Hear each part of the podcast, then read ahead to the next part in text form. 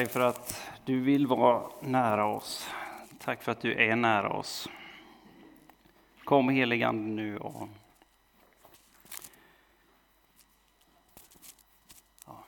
kom och fyll oss, tala till oss. Tackar dig för den här stunden, för att vi får, får vara här inför ditt ansikte.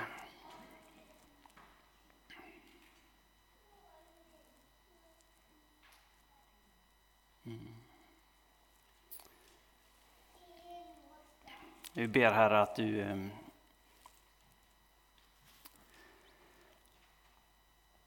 att du öppnar ditt ord för oss Herre. Vi tackar dig för att du är livets Gud. Att du är uppenbarelsens Gud. Jesus Kristus, att du kom och förvandlade ja, tiden, Herre, till en ny tid. Att vi får leva med dig i det. Så vi ber Herre nu att du, du utmanar oss.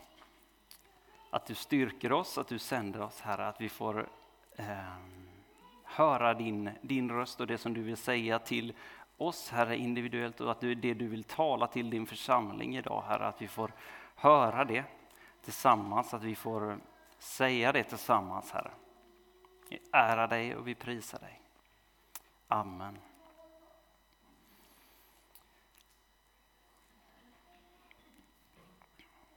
Jag, vill, jag ska läsa idag från eh, Matte, Matteus evangeliet kapitel 11. Idag är ju tredje söndagen i advent och eh, temat är Bana väg för Herren. Jag läser från Matteus 11, vers 11 och framåt. Då säger Jesus, Johannes lärjungar har kommit till honom och de har frågat, vem är... Eh, Johannes har frågat, är du den vi skulle vänta på? Är det du som skulle komma? Och Jesus han har sagt till dem, gå och säg eh, det som eh, Berätta för Johannes vad ni ser och hör. Blinda ser, lama går, spetälska blir rena, döva hör och döda uppstår och fattiga får höra glädjens budskap. Salig är den som inte tar anstöt av mig.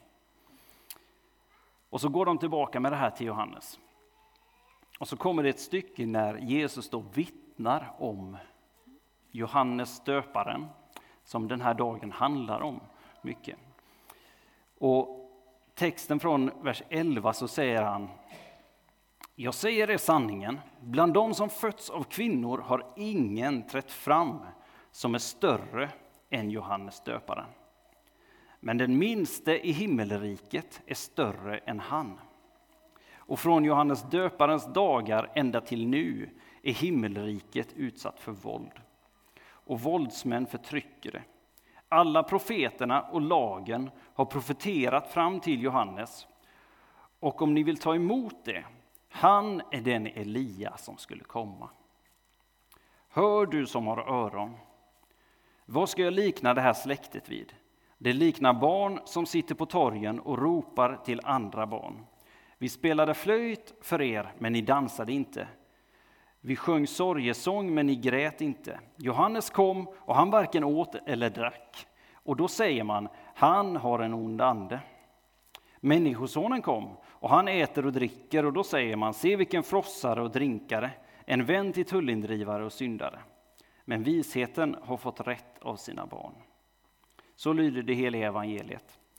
Lovad vare du, Kristus. Så idag får vi stanna upp vid eh, Johannes döparen och Jesus som, som eh, talar om honom och bekräftar honom. Och eh, när han i fängelset får också sända bud till Jesus och, och fråga vem är du den? Är du Messias som jag har pekat ut och sagt att du är? Är du den Messias vi väntar på? Och Jesus säger att ja, det är jag. Se, jag, jag kommer med de här sakerna. Och så säger han också att Johannes, han är den Elia som skulle komma innan. Så vad är Johannes döparens uppgift? Vad, är, vad var Johannes döparens uppgift? Vad var Elias uppgift? För Johannes han är ju den Elia som eh, skulle komma och bereda vägen för Messias. Det var Elia, eh, Elias, Elias som de väntade på, att han skulle komma och bana vägen, temat för idag, bana vägen för kungen som skulle komma tillbaka. När Elia i Gamla Testamentet, när han kom, när han trädde in på scenen, så kom han att proklamera i ord och handling att Gud är Gud. Gud är faktiskt den rätte guden. Herren, Israels Gud, är vår Gud. Det är inte någon annan Gud som är Gud. Det är inte, eh, för Israel levde då i uppror, de levde i tillbedjan av eh, Baal och andra gudar. Men de levde i uppror mot Herren. Och Elia kommer och säger, ni ska inte tillbe Baal. Han är inte kung, han är inte den rätte guden. Herren är Gud. Det är han som är eran kung, eran herre. Och Ahab som var kung under den tiden, han hade vänt åt ett annat håll och han hade levt i linjen av alla de tidigare kungarna i Israel och han hade, han hade tagit det till sin spets att tillbe Baal. Och så står eh, Elia upp eh, för Gud som världens herre. Och för er som känner till historien så känner ni kanske väl till det här då. Men Elia han, han tar det till sin spets i en uppgörelse på ett berg som heter Karmel. När han kallar samman Baals profeterna och har en uppgörelse med dem om vem som faktiskt är Gud. Han säger kom hit, ta samman alla Baals profeterna och så ska vi se vem som faktiskt är Gud. Och så gör de det där. De, de bygger altaren inför sina gudar. Och, eh, och Baals profeterna de åkallar Baal och ropar till honom och säger eh, den Gud som är Gud ska faktiskt då komma med, med eld från himlen. Och de ropar och ropar och ropar men det kommer ingen eld. Och, eh, och till slut så träder Elia fram och han ropar och Herren svarar med eld. Och, och det blir en stor seger, seger för Elia och för Herren som visar att han är kung och han är Gud. Han är den som de, de ska följa som folk.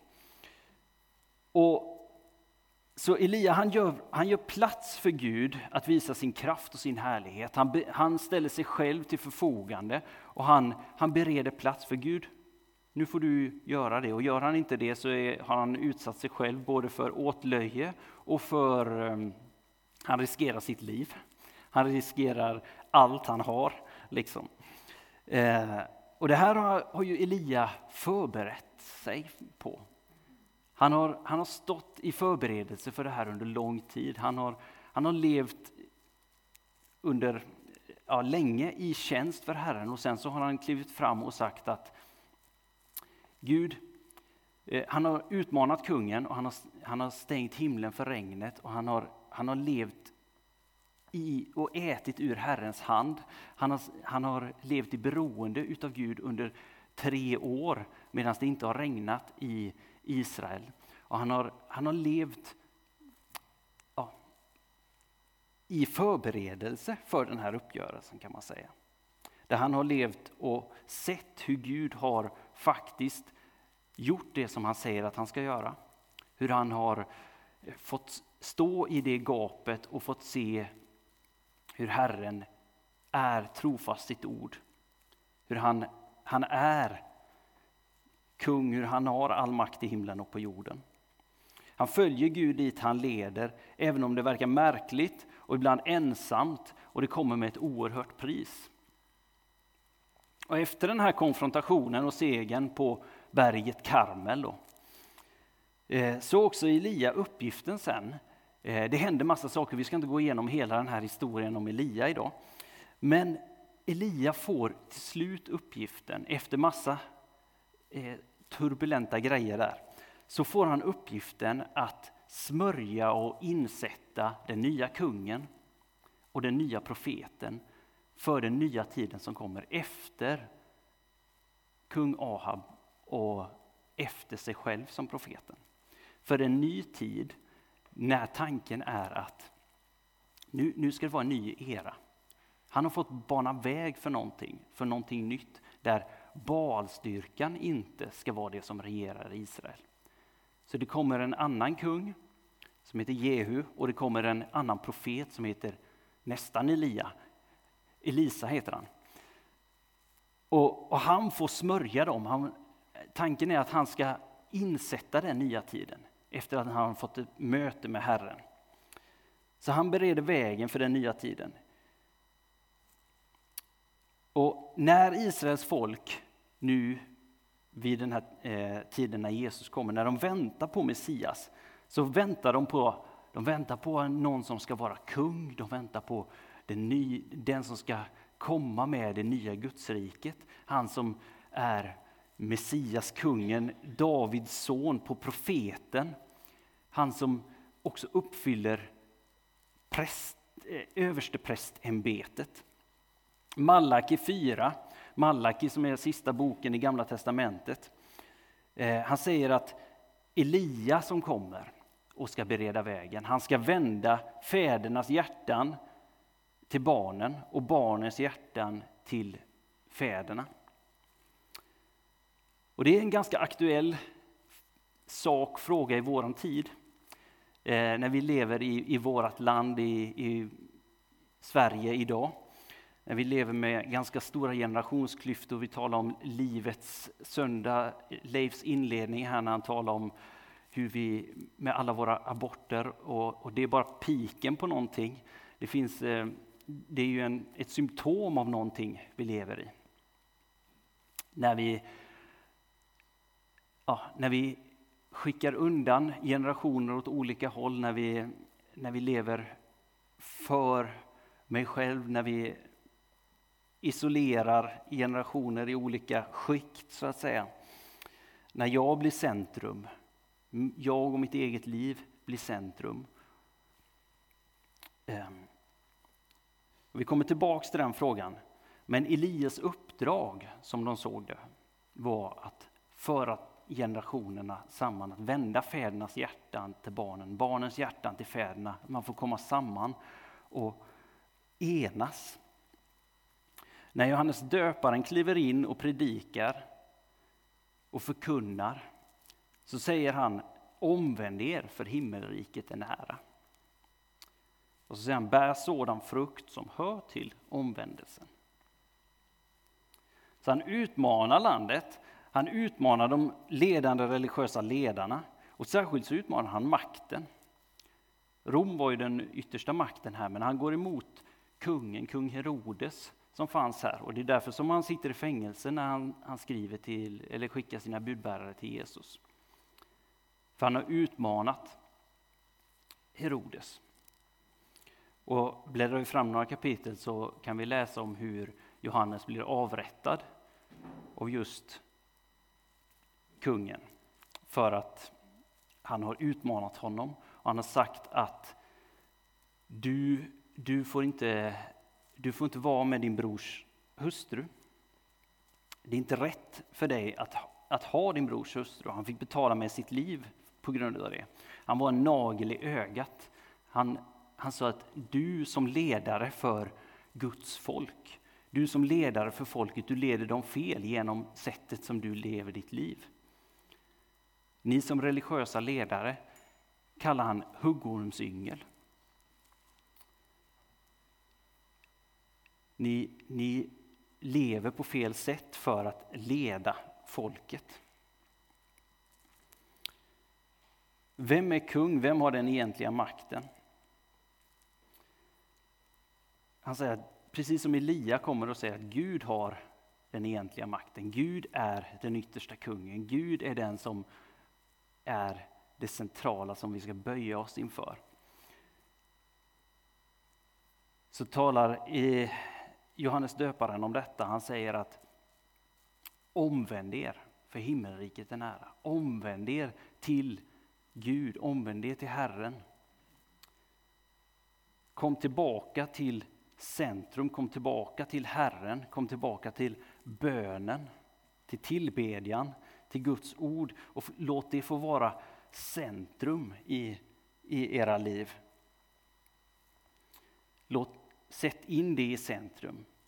Här lever vi, här dör vi. Och Johannes döparen visar ett exempel på det. Han, han tar sitt liv ut i öknen, lever utav gräshoppor och vildhonung och avsäger sig allt annat för att visa på att här, här har jag placerat mitt liv där Gud, hans närvaro, bönen och centrum eh, och hans ord får vara, vara centrum. Och det står att där ute i öknen kommer Guds ord till honom.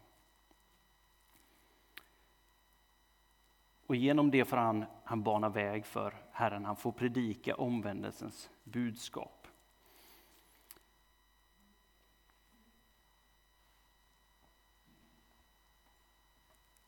Och där tror jag vi, vi får ställa oss frågan.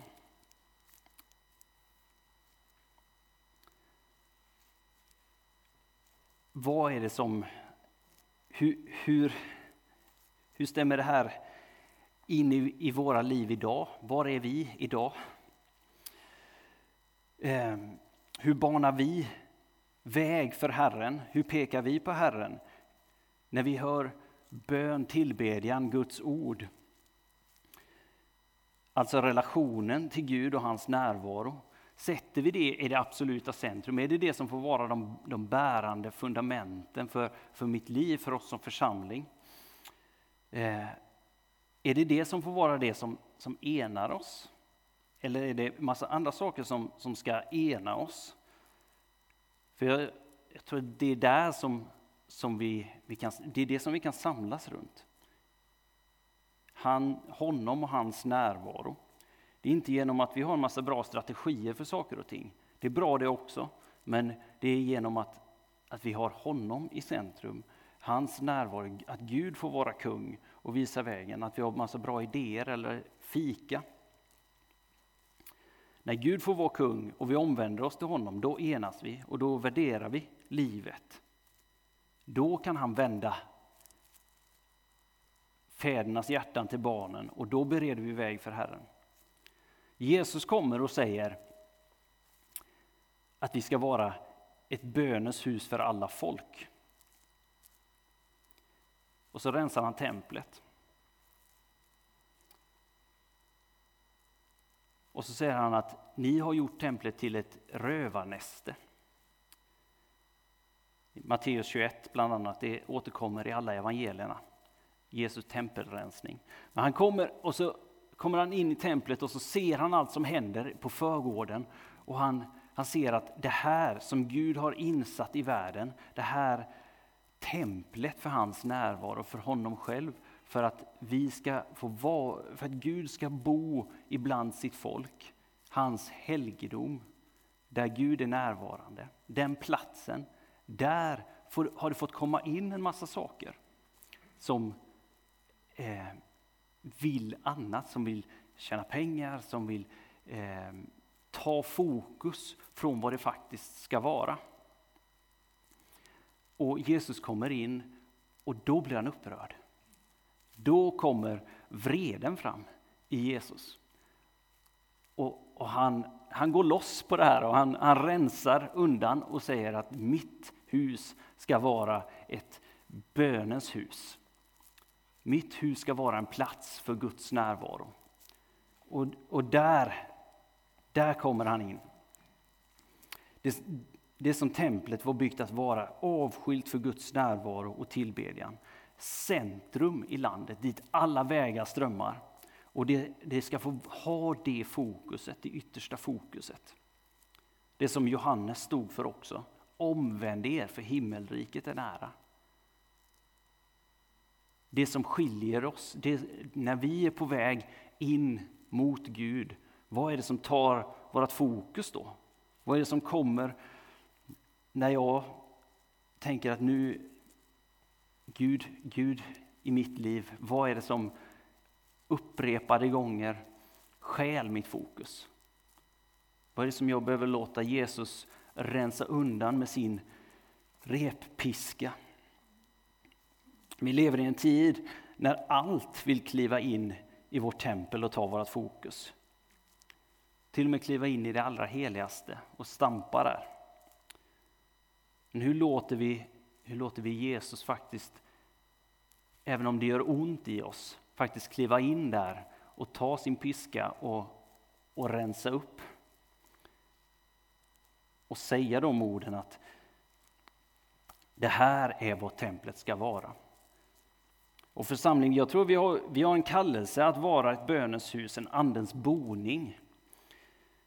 Där Guds närvaro är i centrum, där bön, tillbedjan och Guds ord är det som enar oss, där vi lever i och av det, både tillsammans och i våra enskilda liv. Där det är det som får definiera oss. Bönen, tillbedjan och Guds ord. Och det är det som sänder oss. Det är det som sänder oss ut. Det som sänder oss in i, våra, i min familj, det är det som sänder mig in i min eh, arbetsplats, det är det som sänder mig in i min hemgrupp, till och med in i, i, i alla situationer. Guds, Guds närvaro och kraft.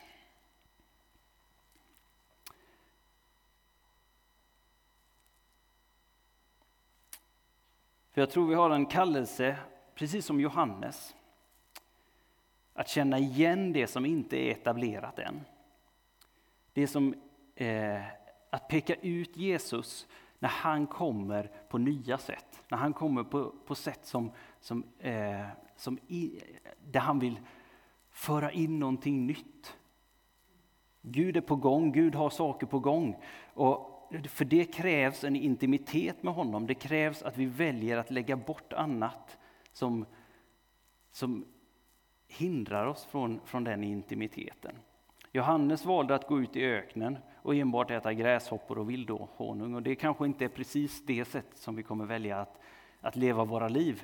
Men jag tror att vi kommer behöva välja bort saker som, som vår tid lever av som vår tid gläder sig av.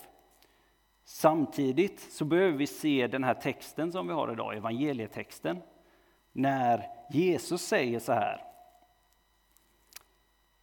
Att Johannes kom och han varken åt eller drack och då säger man han har en ond ande. Människosonen kom och han äter och dricker och då säger man se vilken frossare och drinkare, en vän till tullindrivare och syndare. Men visheten har fått rätt av sina barn. Att vi kan inte säga att så här, så här vägen.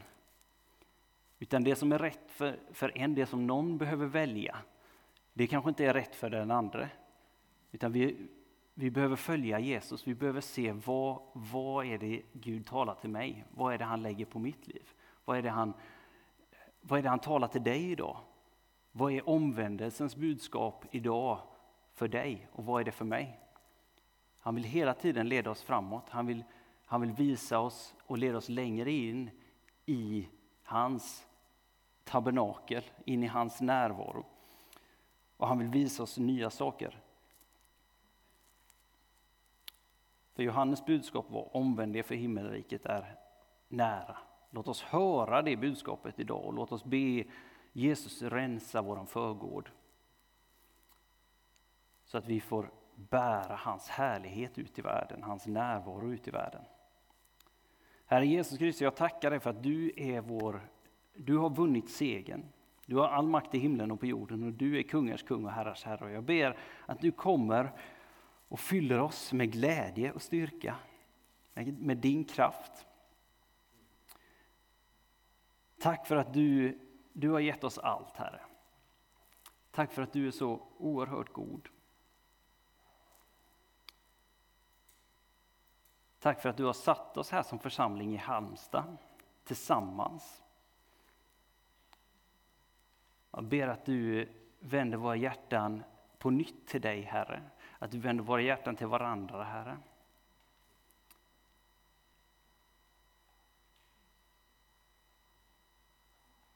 Tack för friheten i dig och friheten att varje dag få välja dig.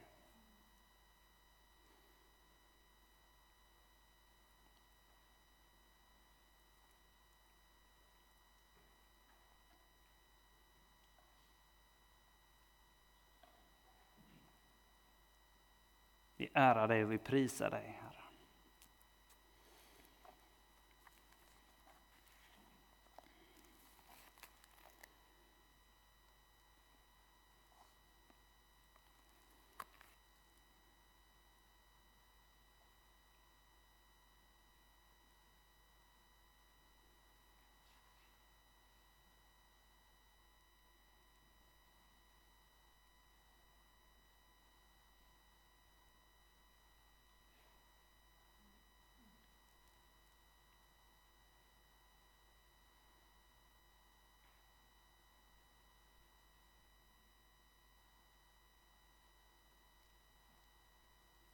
Vi ska alldeles strax få be syndabekännelse, men jag, jag tror att det, vi är på olika ställen i den här vandringen och jag, jag hör det här, eh, det här ordet, kom till mig alla ni som är tyngda av bördor, så ska jag ge er frid. Och Jesus säger det till dig, eh, det är särskilt dig som behöver höra det.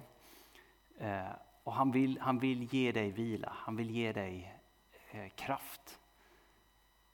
Och det är när vi får komma till honom och lägga ner oss inför honom. När vi får komma och söka honom så, så ger han den, den kraft och den vila vi behöver. Så kom till mig, du som är tyngd av bördor.